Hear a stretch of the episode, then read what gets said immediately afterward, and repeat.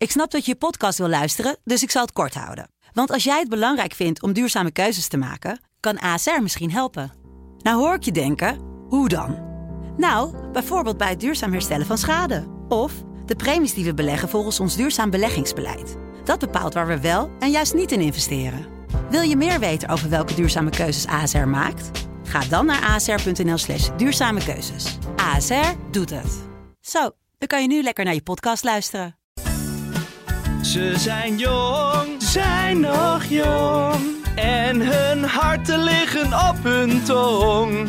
Altijd alert, erg alert. Hun mening eindelijk ongefilterd. Dit is Ongefilterd met Kitty en Elif. Hallo en welkom bij een nieuwe aflevering van Ongefilterd met Kitty en Elif. We gaan het vandaag hebben over doorgeslagen therapietaal. Want op sociale media gaat het de afgelopen jaren best veel over uh, goed voor jezelf zorgen en het nut van selfcare. En het kan goed zijn voor veel mensen om uh, bijvoorbeeld te leren om nee te zeggen en duidelijke grenzen voor zichzelf af te bakenen. Als je bijvoorbeeld onzeker bent of de neiging hebt om te people pleasen. Maar wanneer wordt het jezelf op één zetten in elke situatie egoïstisch gedrag? En wanneer wordt selfcare toxic voor anderen? Daar gaan we het vandaag over hebben. Maar eerst wil ik van Elif weten, ben jij een people pleaser? dat is een onverwachte vraag, hè? Ja, uh, vind ik heel leuk dat je, zo uh, dat je zo onverwachts uit de hoek, hoek komt voor een keer. Uit, ja. de hoed, uit de hoek. Ben ik een people pleaser? Uh, ja en nee. bij sommige mensen wel. En bij heel veel mensen helemaal niet.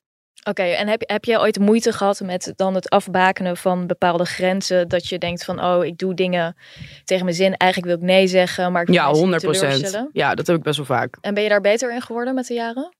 Uh, ja, ik, nou wel in, uh, in termen van onderscheid maken tussen de, bij welke mensen ik het wel en niet doe. Vroeger deed ik het meer bij grotere groepen mensen, maar dan word je gewoon, nou daar word je heel ongelukkig van. Wat, dan, dan ging je naar dingen toe waar je eigenlijk geen zin in had? Ja, bijvoorbeeld. Dat soort ja. dingen, ja. Ja, dat heb ik heel vaak. Dat ik een soort van me gedwongen voel of verplicht voel. Of het lullig vind voor iemand om, om dat soort dingen af te wijzen. Bijvoorbeeld gewoon uitnodigingen voor sociale dingen of zo. En hoe heb je dat afgeleerd? Gewoon uh, met de jaren. Dan boeit ja, het je gewoon, gewoon nog minder. Worden. Ja, dan, dan denk je gewoon, ja, pff, ik heb geen zin. Ja. Fuck it. Ja. Ik heb zelfs laatst, dit is echt een ontboezeming. Dit gaat tegen mijn code in, zeg maar. Maar ik heb laatst um, een afspraak afgezegd. Puur omdat ik er gewoon echt geen zin in had. En met een gewoon totaal bullshit excuus. Ja, dit doe ik echt heel vaak. Ja, weet ik. Maar Ja. ik, ik vind dat, dat gaat echt mijn soort van friendship Nou, ik ben dus boundaries wel- over. Ik ben dus wel veel eerlijker geworden. En met echte vrienden kan ik gewoon zeggen van... Sorry, ik heb geen zin. Ja, dat is ook veel beter. Ja, Want iedereen weet dat het een excuus is. Dat is het erge daaraan. Als iemand zegt, oh nee, ik kan niet, ja, ik ben ziek of zo. Ik denk gewoon standaard dat het een excuus is, zelfs als het waar is. Ja? Mhm. dat is achterdochtig van jou. Ja, maar zo zijn mensen, dat weet je toch? Ja. Ja. Nee, ik had er denk ik vroeger ook wel een beetje moeite mee. Maar met de jaren ben ik er wel makkelijker in geworden. En ik weet dus ook van dat ik bepaalde dingen op een gegeven moment gewoon niet moet doen of niet moet inplannen. Ja. En dus een van de technieken die je jezelf kunt aanleren, eh, is dus bijvoorbeeld, stel je voor iemand vraagt, heb je zin om mijn huis te verven over drie maanden? Dan zeg je dus altijd ja. Ja, ja, dat is waar. Want dan denk je, oh, over drie maanden. Mhm. Maar je moet dus altijd bedenken bij een bepaalde afspraak, als het morgen zou zijn, heb ik er dan zin in.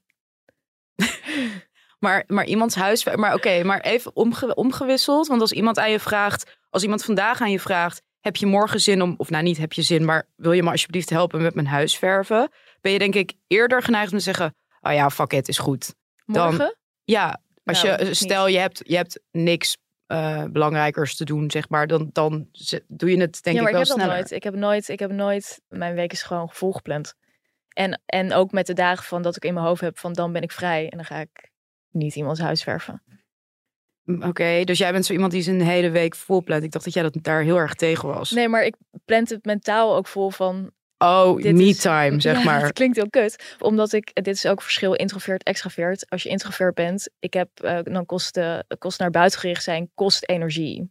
Ja. En ik vind dat heel leuk. En soms levert het ook energie op. Maar ik heb gewoon echt tijd nodig voor mezelf en om op te laden. Want anders word ik een minder leuk iemand en kan ik de dingen minder goed doen. Of, of dan worden alle afspraken voor me heel uitputtend.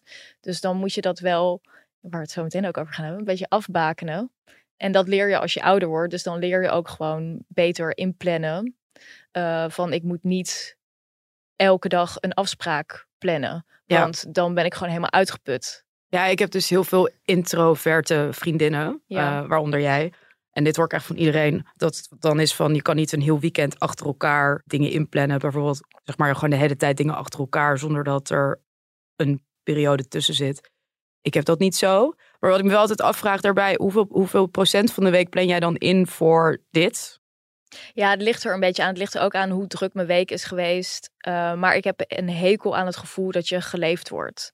Ja, ik vind dat dus lekker. Want jij bent ook iemand die dus ook bijna nooit iets afzegt, toch? Nee, Dat vind ik wel echt een hele goede eigenschap. Het is heel irritant als mensen de hele tijd afzeggen. Eh, maar ik, dat, doe ik nu dus, dat doe ik nu ook minder omdat ik beter overzicht heb in hoe ik mijn sociale leven moet inrichten. ja.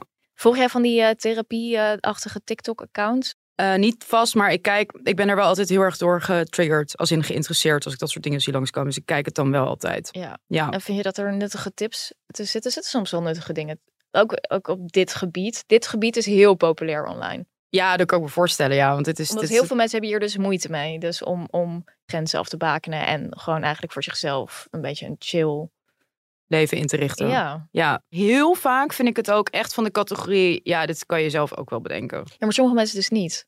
Nou, bijvoorbeeld- ik denk dat sommige mensen dan bevestiging zoeken van, Ja. oh, ik denk dat het dit is. Want dat heb ik zelf ook vaak. Als ik dit soort psychologische dingen google, dan is het van, ja, ik denk dat dit het is. En dan ga je googlen en is van, ja, zie je. En dan voel je je een soort van versterkt in Wat voor soort dingen dan? issues in, zeg maar, in de, de sociale relaties met mensen. Dat je met people please dat je je schuldig kan voelen.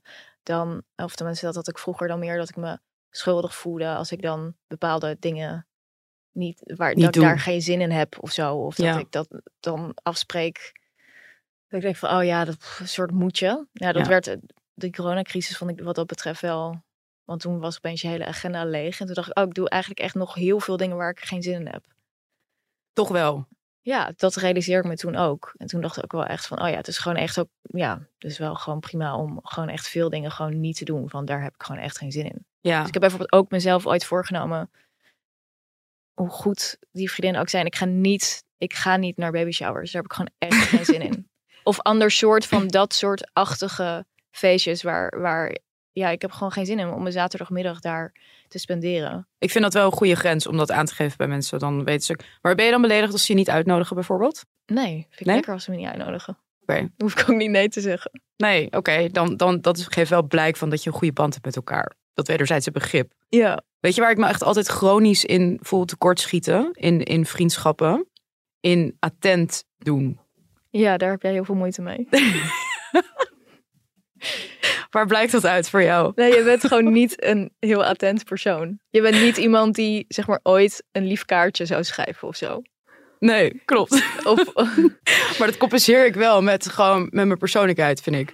ja. Nee, maar ik denk ook wel dat, zeg maar, ik neem dat jou ook niet kwalijk. Maar ik moest er ook laatst, eh, dacht ik van, ehm, van, oh, misschien moeten we even een keer iets sociaals doen of zo voor iemand.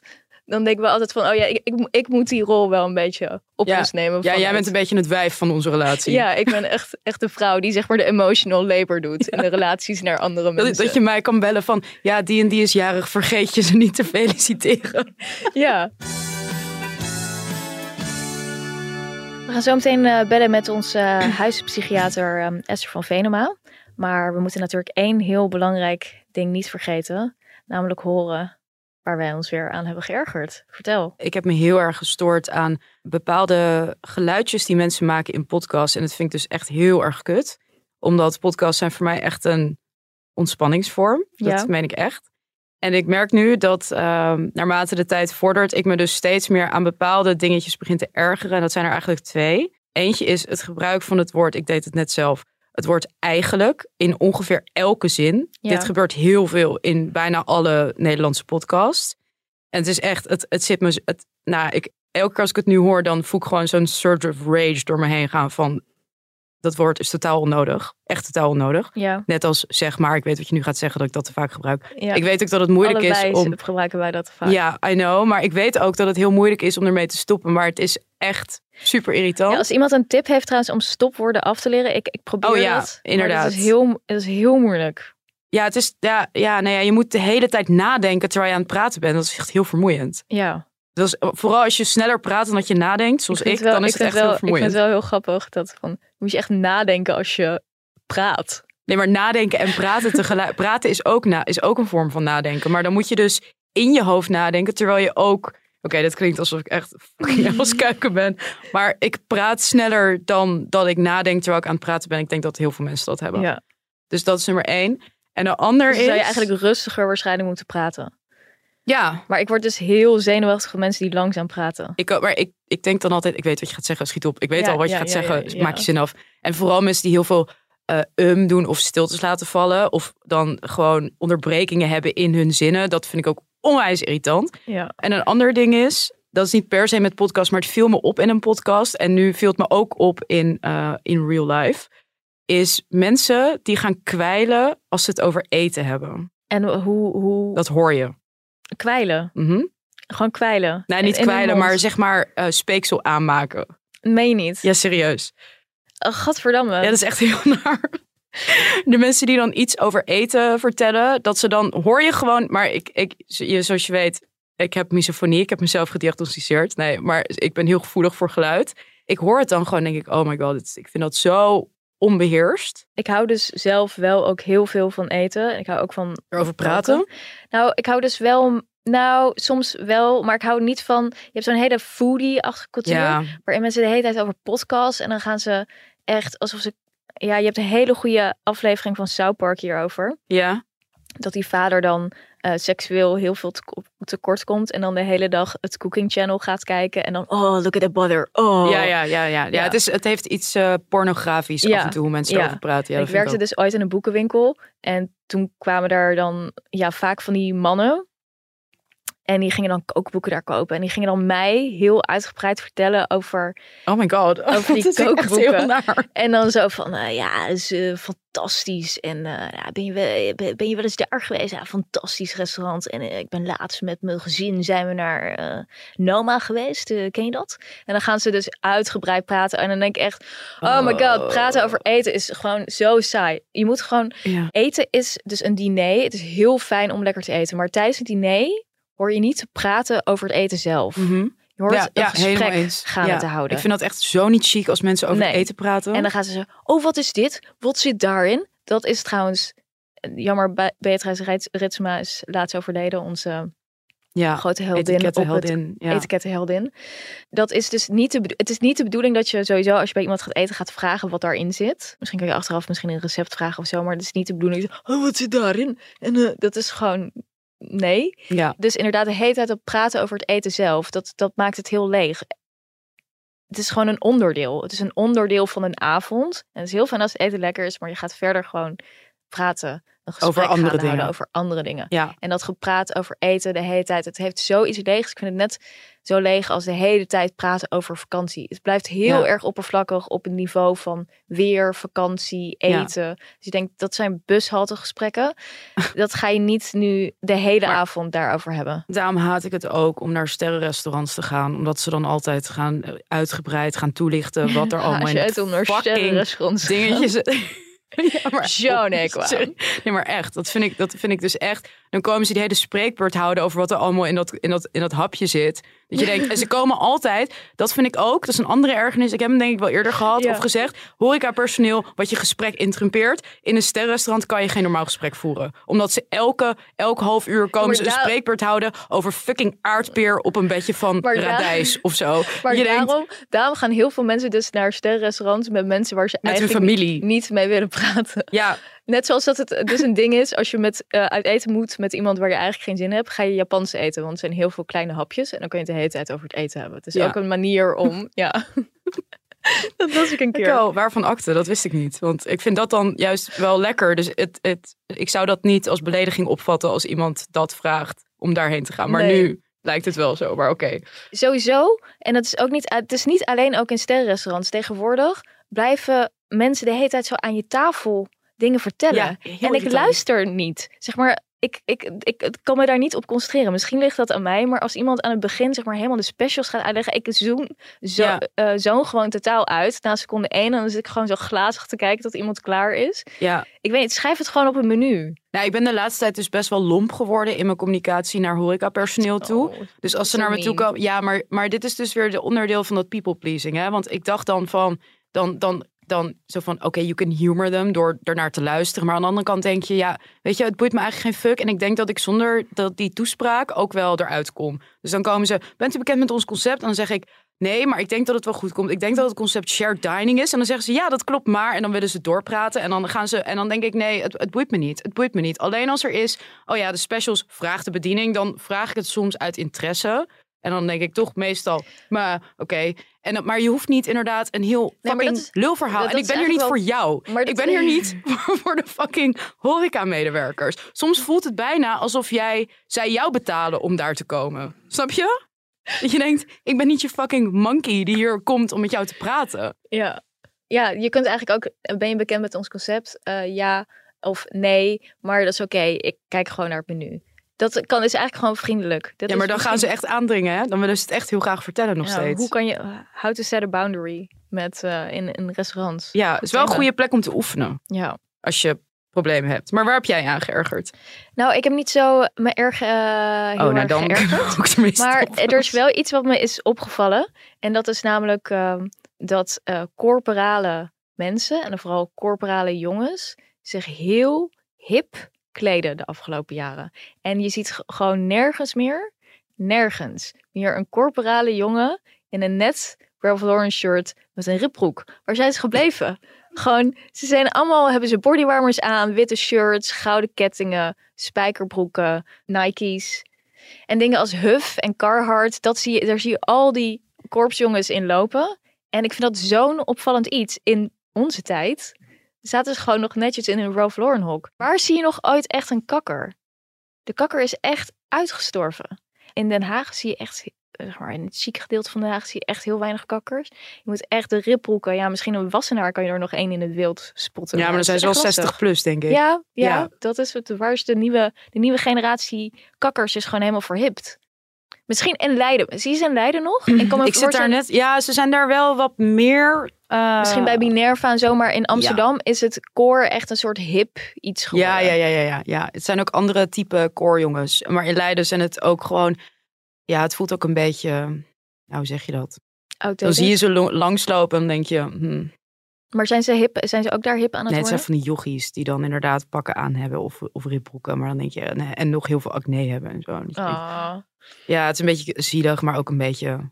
Ja, gewoon zielig. Maar de, de, de verhipping is daar nog niet totaal Niet, niet per se per definitie onder het knorren of het, eh, sorry, het core gedeelte van de, van de populatie. Ik, het is me niet opgevallen dat die inderdaad allemaal zo.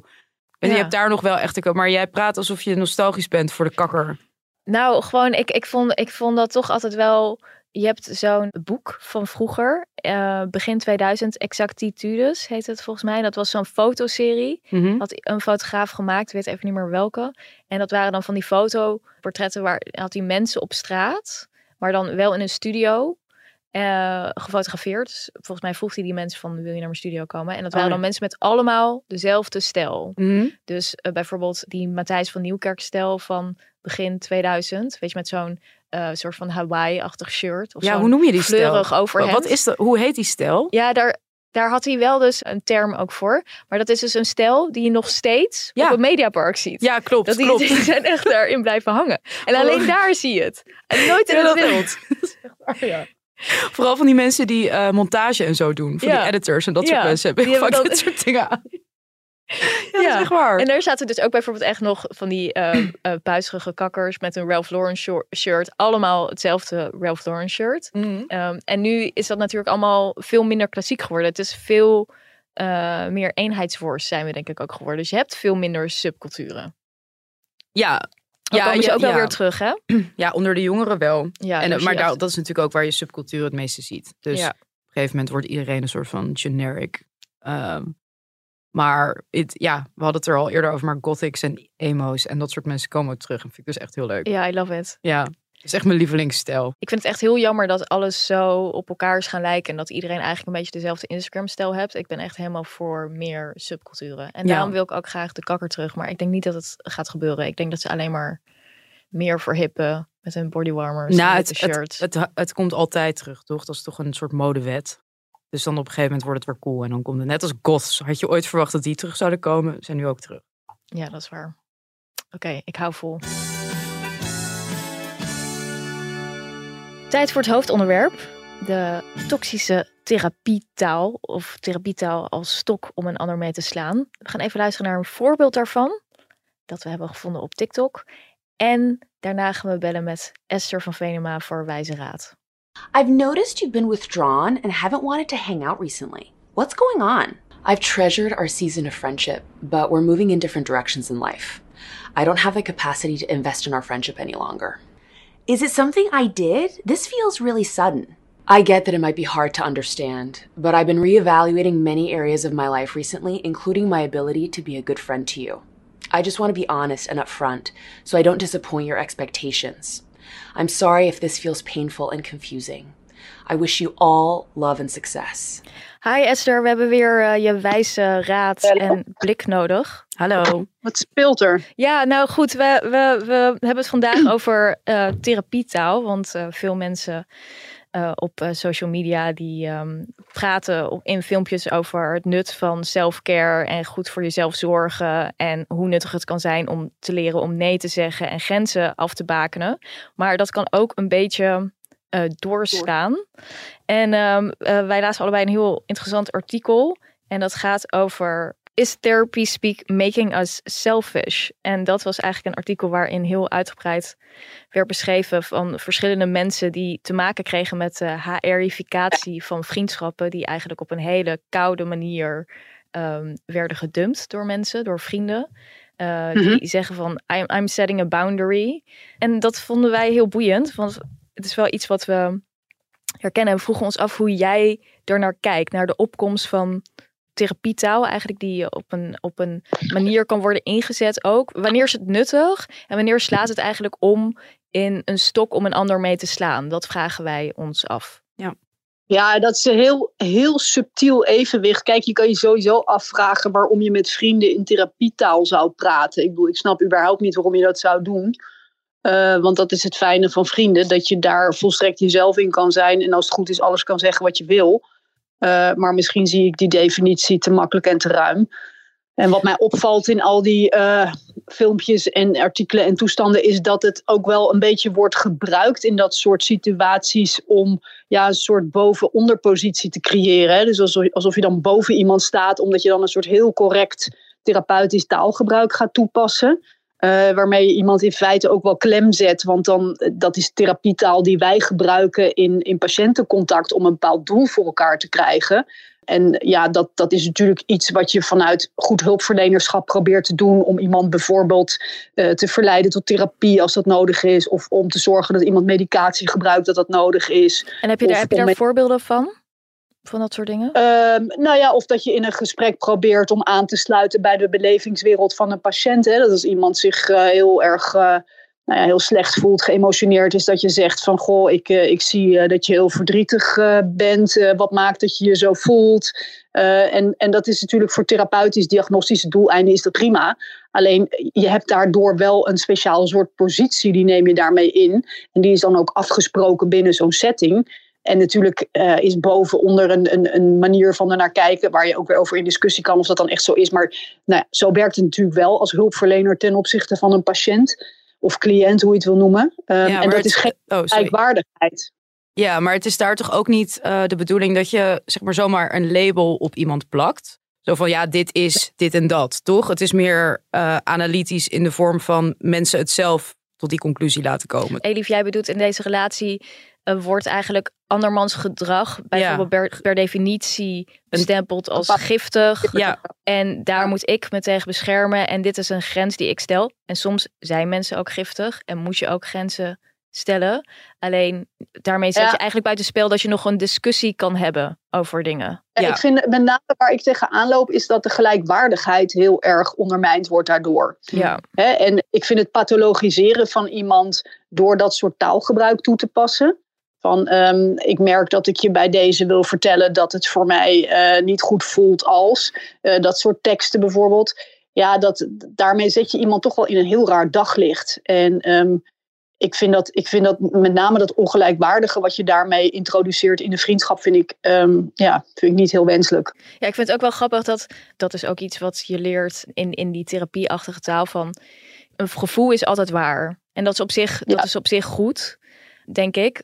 Van een gevoel is waar voor jezelf. Mhm. Zeg maar, jij ervaart iets in een bepaalde relatie. Ik wil niet zeggen dat het op papier helemaal klopt. Maar dat is, ja, ik, ik voel me onzeker in Dat is, onze... niet, dat is niet onderhandelbaar in feite. Hè? Dat Precies. leert iedereen natuurlijk. Maar ja, goed, je kunt ook zeggen, ik voel dat jij een lul bent. En dat is niet echt... Ja, ik heb ook af en toe het idee inderdaad dat dat soort dingen kunnen worden ingezet om het dus dicht bij jezelf te maken van, ja, maar dat is per definitie dan waar. Dus bijvoorbeeld in dat fragment wat we net hebben gehoord van, ik voel dat ik niet de capaciteit heb, heb om een goede vriend te zijn voor jou. Ja. Ja, dat zijn gewoon wel... Terwijl je dan eigenlijk gewoon zegt van ik heb gewoon geen zin meer in jou. ja, Ehm, en dan ga je dat heel therapeutisch verantwoord op die manier formuleren. ja. en ik, zou ja, liever, ik- ik zou liever geghost worden, denk ik. Ja, ik denk dat dat minder eh, schadelijk is voor je, voor Ja. je gezondheid ook. Ja, want dat is dus ook wat die mensen in dat artikel beschrijven, dat ze daar heel veel last van hebben gehad. Ja. Nu hoor je natuurlijk niet de andere kant, maar het is best wel heftig als iemand je zo'n HR-bericht stuurt. eh, met eh, hoe die ja, gewoon geen ruimte meer heeft en setting a boundary. Maar ik vind het nog tot daaraan toe als iemand over zichzelf zegt: ik, ik heb geen ruimte meer hiervoor. Want dan houdt hij het nog wel op zich bij zichzelf. Maar het is erger als het op jou wordt. eh, dus als hij jou beschuldigt van iets waar je dus niet tegen kan verdedigen. Ja, maar als je bijvoorbeeld zegt, ik heb geen ruimte meer voor eh, jouw toxic, tox- toxicity. ja, jou- jouw giftigheid inderdaad. Ja. ja. Nou ja, maar natuurlijk gewoon ook wel heel erg filijn. Hè? Dus dat je allerlei soort van eh, smooth eh, therapie, taalgebruik inzet. Om eigenlijk te zeggen van, nou ja, ik beschuldig jou van iets wat ik gewoon echt heel eh, vervelend vind. En ik vind je heel toxisch. Ja, dat is best wel heftig. hoe ga je wel om met mensen die bijvoorbeeld toxisch zijn? Ik heb denk ik ook wel eens met ja, goede vraag. vriendinnen, ja, dan toch maar, dat heb ik dan een beetje laten doodbloeden. Dat ik dan denk van, oh ja, ik pff, echt altijd. eh, Ja, kijk, het is eh, natuurlijk heel lastig. Hè? Want ik bedoel, je hebt inderdaad mensen, vriendschappen waarbij je denkt, hoe kom ik er vanaf? En eh, dit is gewoon niet meer goed voor mij. En Ja, ik of ga elke vooral ook familieleden. Hè? Daar gaat het op, op eh, TikTok ook eh, veel over. Van hoe baken je grenzen af tegenover familieleden Waar je Waar dus je niet toch de- vanaf kan komen. Waar je, niet, waar je toch de hele tijd mee moet dealen. Maar waar je dus echt last van hebt. Omdat ze echt eh, giftig zijn en giftige dingen zeggen. Nou ja, kijk, eh, dat ligt natuurlijk aan wat je doel is. Als je nog de hoop hebt dat je iemand kan veranderen, dan, ja, kan je natuurlijk vanuit een soort authentiek iets jezelf zijn zeggen van ik heb hier echt heel veel moeite mee, ik vind het heel vervelend. Maar ik vind het wel altijd wel, wel belangrijk om, om zoveel mogelijk authenticiteit in een gesprek te krijgen als het niet therapeutisch is. En zelfs dan ook eigenlijk. Ehm, dus dat het niet een soort formules worden die mensen gaan gebruiken, want de ander voelt dat het niet echt is en de ander voelt dat er een dubbele bodem in zit. Ehm, dus daar moet je gewoon ook heel erg mee oppassen. En ja, met familieleden of vrienden waar je van af wil, dat kan natuurlijk dat je gewoon er klaar mee bent. Eh, maar de vraag is of je dat dan op zo'n indirecte, lastige manier moet doen, dat iemand er toch gewoon een heel akelig gevoel aan overhoudt, of dat je er gewoon open en eerlijk over bent. Ehm, en iemand de kans geeft om ja, daarin gelijkwaardig benaderd ook te worden. Want nogmaals, die ongelijkwaardigheid die zit me altijd heel erg dwars. Ja, dus dat je echt jezelf helemaal erboven plaatst. En dan eigenlijk al eh, ja, bepaalde beslissingen dus ook helemaal niet meer geïnteresseerd bent eigenlijk in gesprek. En gewoon eigenlijk hele harde dingen zegt of zo op een therapeutische manier. Dat is het eigenlijk. Ja, en ik, ik, kijk, aan de andere kant zou je ook al kunnen zeggen: het is fijn als mensen handvatten hebben waarmee ze gewoon een goed gesprek kunnen voeren. Hm. eh, waardoor dat wat vriendelijker en diplomatieker overkomt dan, dan, dan allerlei scheldkanonades en, en toestanden. Maar die zijn wel lekker ja, ik- authentiek. Die zijn wel, ja, precies. Maar goed, daar kan je ook weer heel veel schade mee toebrengen. Maar ik denk zo heel indirect, zo heel erg gekunsteld taal gebruiken die je normaal helemaal niet gebruikt. Eh, en die voorbehouden is toch aan hulpverleners, hoop ik. Ik denk dat dat, ik denk dat, dat eigenlijk best wel schadelijk kan zijn ook. Maar ik denk dat eigenlijk een, eh, een relatie eh, afbreken op die manier eigenlijk sowieso best wel schadelijk is, toch? Voor de andere partij. Want het is niet, het is niet zo dat hij er geen last van heeft als, hij, als je zegt, ja, eigenlijk vind ik je gewoon een kutwijf, dus ik wil van je af. Ehm, Dus dat. Ja, en verder wil ik er ook niet over praten, maar ik heb gewoon geen zin meer in jou. Dat is toch ook, dat is wel heel eerlijk, maar het is niet per se beter, toch? Denk ik. Nee. Nee, maar goed, het is natuurlijk heel subtiel. Want als je een soort via de band met therapeutisch taalgebruik eigenlijk een soort diagnose bij iemand neerlegt, terwijl je daar Een helemaal niet voor gekwalificeerd bent. Ja. Ja. Ja, een TikTok-diagnose. Ehm, ja, ik vind sowieso dat we in de samenleving ontzettend met labels en diagnoses smijten. En ik snap überhaupt niet wat daar de meerwaarde van is. Sterker nog, ik denk dat we het gewoon niet moeten doen. Ja. Merk jij in de praktijk dat mensen dus door van die social media filmpjes echt, echt hele grote analyses maken over andere mensen, eh, zonder eigenlijk te weten waar ze het over hebben? Nou, ik zie dat vaak op social media als ik iets post, dat daar dan heel veel uh, goedbedoelende of minder goedbedoelende amateurs op reageren met al hun theorieën en ideeën. Waarvan, ik vaak denk, ja, weet je, je bent geen professional en je kan je enorm verdiepen in de ziel, in de geest of in weet ik wat allemaal. Maar pas daar een beetje mee op, want je hebt gewoon niet de opleiding en de kennis om daar uh, met zoveel stelligheid dat soort uitspraken over te doen. Ja, want en dan kom ik toch weer ja. uit bij mijn, ja, mijn, mijn stokpaardje blijft dat ik gewoon vind dat er heel veel mentale kwakzalvers rondlopen. Um, en dat een beetje dat mentaal elkaar vlooien, zoals ik dat dan maar noem. um, dat dat misschien, ja, weet je, dat, dat kan. Maar je moet ook oppassen, want sommige mensen zijn er gewoon heel kwetsbaar voor. En ik kom nog steeds mensen tegen die dan, um, ja, die daar gewoon kwetsbaar voor zijn en suicidaal worden. Als iemand anders zich vreselijk gaat bemoeien met allerlei trauma's of met nou ja, allerlei amateuristische diagnostiek en zo. Dus ik vind gewoon dat je moet oppassen met elkaars hoofd. Ja, maar vind je dat dan ook in, uh, gewoon in, want het is natuurlijk een beetje, oké, een beetje stereotyperend, maar best wel kenmerkend voor vrouwenvriendschappen, dat ze zo over dingen praten. Is dat dan ook schadelijk of is dat wel ergens therapeutisch? Nou, ik denk dat dat evolutionair ook gewoon wel bij vrouwen hoort om met elkaar zo lekker een beetje elkaars uh, gemoed, uh, hoofd door te akkeren. Maar ja, ik vind op het moment dat, dat je dan dat soort ontwikkelingen ziet, dat er dan van het therapeutische taalgebruik wordt ingezet. Kijk, dat werkt in therapiehanden natuurlijk best goed en dat is niet voor niks. Dus dat moet je wel zorgvuldig toepassen. Je gaat als, als amateur ook niet zomaar in mensen snijden of zo. Dus ik vind dat je gewoon moet oppassen voordat je. Ja. ja. Kijk, weet je, dat soort therapeutische taal en interventies, die, die zijn effectief. Omdat ze anders ook niet uh, ja, er zouden zijn voor therapeuten. Dus je moet er gewoon mee oppassen. En ook vooral heel duidelijk hebben wat je doel is, waarom je dat doet. Ja, maar het is ook echt op, op, op TikTok bijvoorbeeld heb je heel veel mensen die dus zeggen tien tekenen dat je borderline personality disorder hebt. Of tien tekenen ja, dat je met een narcist te maken hebt. En tien tekenen dat dit of zus. En dat zijn ook vaak ja. algemene dingen. En ik denk wel dat sommige mensen ermee geholpen kunnen worden. Maar of dat het interessant is om je te verdiepen. En sommige, er zitten ook gewoon echt serieuze therapeuten die dingen vertellen. Maar het vervangt natuurlijk nooit serieuze therapie. Net zoals nee, dat zelfhulpboeken en, en zo dat ook niet doen. Nee, en weet je, het is gewoon heel ingewikkeld om goede diagnostiek te doen. En ik weet nog inderdaad iemand die, die kwam echt zo naar me toe van... ja, ik weet het, mijn ex is gewoon echt een uh, psychopaat. Ik zei, hoe weet je dat dan? Ja, ik heb inderdaad tien, uh, tien van die uh, kenmerken... Heb ik in Cosmopolitan gelezen. en, en wat dan? Ja, een psychopaat. Echt, en dat je, je heel bloedserieus van ja, maar hij slaapt met zijn ogen open. Dus dat is een heel belangrijk oh, ja. symptoom. Echt nooit van gehoord. Dus nou ja, weet je, kappen ermee, echt waar. Ja. En hoe ga je daar dan mee om?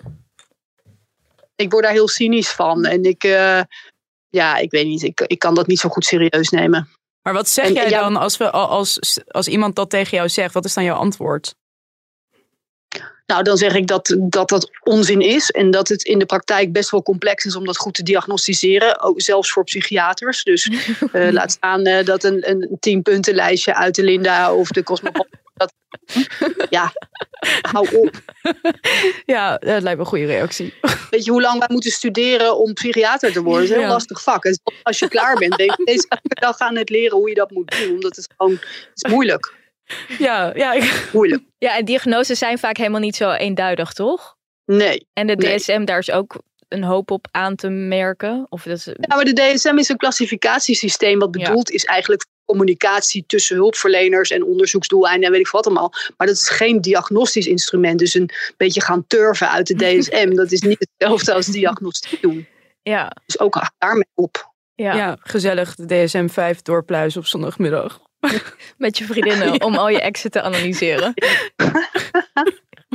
Jezelf langs al die lijstjes, er zijn talloze lijstjes. Het is op zich wel gewoon aardig vermaak of zo, maar neem het alsjeblieft niet serieus. Ik vind het wijze lessen weer. Ja, ik ook. Ben je dus voor of, uh, want soms zitten er wel goede uh, licensed therapists. op, uh, op uh, Instagram en TikTok. Ben je daar wel voor om die te volgen? Om gewoon bijvoorbeeld uh, als aanvulling, bijvoorbeeld ja. voor therapie? Als ze echt inderdaad betrouwbaar zijn, de juiste diploma's hebben, een beetje ervaring helpt ook altijd wel. en als hun doel enigszins bona fide is, ja, waarom niet? Maar wat vond jij dan van Dr. Phil bijvoorbeeld vroeger? Oh, ik hou van Dr. Phil. Ja, weet je waarom? Omdat Dr. Phil, die was wel een van de weinigen, misschien wel de enige die gewoon liet zien um, ja, hoe je met mensen praat die in psychische nood zijn. Hij deed dat ook echt wel heel goed. Natuurlijk allerlei Amerikaanse sensatiebeluste elementen, dat snap ik ook wel. Maar ik vond het wel heel mooi om te zien hoe hij dat deed. En hij is gewoon een goede professional. Ja, hij heeft wel, dus wil... hij, is wel hij had toch niet een diploma? Ja, er, was, wel iets meer met hem, ja. Dat ik ben vergeten, maar... Of die had hij niet verlengd of zoiets? Hij was niet gepromoveerd, volgens mij was dat oh. het.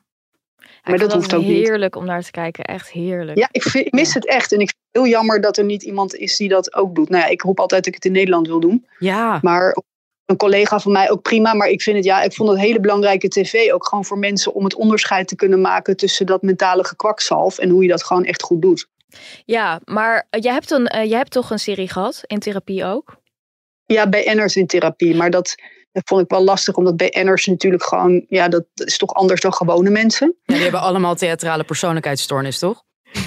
Dat zijn jouw woorden, is het man. En uh, nou ja, die zijn al gewend om in het openbaar over zichzelf te vertellen. Dus dat vond ik iets minder authentiek op sommige punten. Um, en ja, kijk, ook Dr. Phil had natuurlijk, kan je ook al heel veel op aanmerken van een hele korte tijd, onder hoge druk, publiek. Uh, ja, en ook wel kwetsbare mensen soms. Dat je denkt, ja, dus moet je die... Uh... En tegelijkertijd is er ook een enorm groot taboe en zijn mensen ook echt wel ja, een soort van verlegen als het gaat over mentaal, psychisch lijden. Dus in die zin mag er van mij echt wel wat meer openheid over zijn. Ook om al die mentale kwakzalvers de pas af te snijden. Want die komen echt als paddenstoelen uit de grond. En ja, ik echt zit soms mijn mond open te kijken van wat een bizarre toestanden soms. Is, is, is, er een beweging eh, vanuit jullie hoek om eh, hier daar echt iets concreet iets tegen te doen? Want uh, bijvoorbeeld traumatherapie, EMDR, wat echt heel gevoelig is voor als je trauma's hebt. Dat, dat, ik hoorde dat daar ook kwakzalvers in zijn. En dan kun je super veel schade mee aanrichten voor mensen die echt daadwerkelijk trauma hebben. Worden daar dingen tegen ondernomen vanuit de beroepsgroep? Nou ja, je hebt de vereniging tegen kwakzalverij en die is ook wel uh, vrij actief op het mentale vlak, maar kan altijd meer en beter. En ik vind ook dat je dat soort mensen ook wel bij de inspectie moet aangeven. Um, nogmaals, wat ik al eerder zei, omdat je gewoon niet weet als je niet goed geschoold bent of je met iemand aan de slag kan of dat je um, ja, eigenlijk iemand behandelt die veel te kwetsbaar is en daardoor gewoon ronduit suicidaal kan worden of, ja. of zelfdoding kan uh, doen. Dus ja, je moet echt oppassen met elkaar. Ja, ja. heel erg bedankt. Ja, dankjewel weer. Oké. Okay. En we bellen je snel weer. Uh, lichter. Ja, en jullie diagnose die komt dan nog. Ja, ja zin in. Leuk. Oké, okay, doei, doei. Doeg.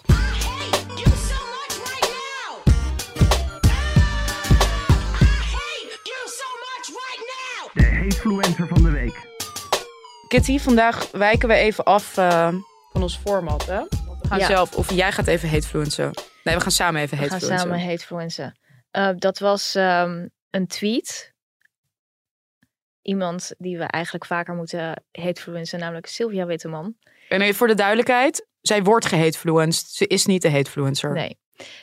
Ze schrijft: Ik weet helaas niets van dit soort dingen, maar bestaat er een crème die je op je gezicht kunt smeren, die een beetje beschermt tegen de zon en heel belangrijk, zonder parfum en prettig, vettig aanvoelend?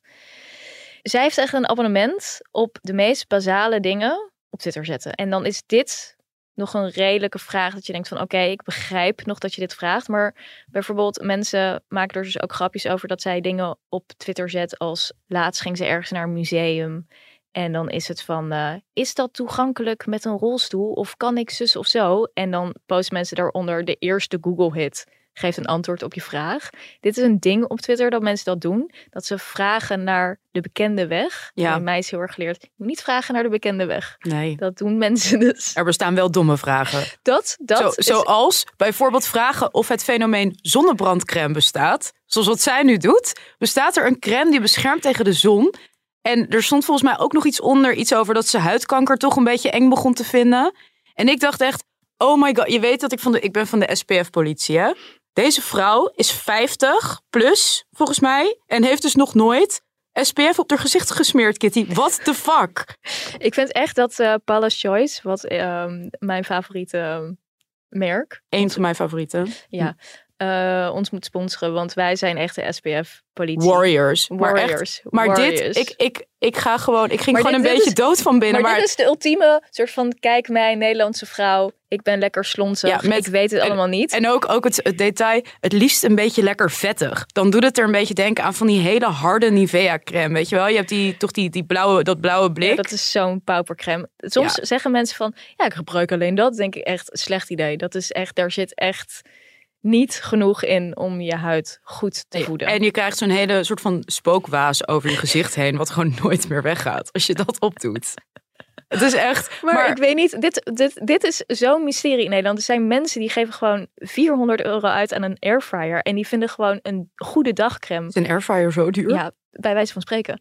En een airfryer kan trouwens heel duur eh, zijn. Of ze geven aan andere dingen waarvan ik echt denk, waarom geef je daar zoveel geld aan uit? Maar dit soort dingen zijn mensen in Nederland, sommige, een groot gedeelte van mensen zijn zo gierig voor dat soort dingen. Ja, Terwijl je echt denkt, het is echt een heel bazaal iets. Een goede crème, als je dat kan betalen, is het geld waard. Doe je gewoon maanden mee. En het is gewoon dag, het is zoveel bescherming. Je moet elke dag zonnebrand. elke dag factor 50, ook in de winter. Ja. Net als dat je eigenlijk ook elke dag een zonnebril moet Ja, dragen. ik heb krijg er altijd. 30. Nee, je moet 50 gebruiken. Echt waar, je moet 50 gebruiken.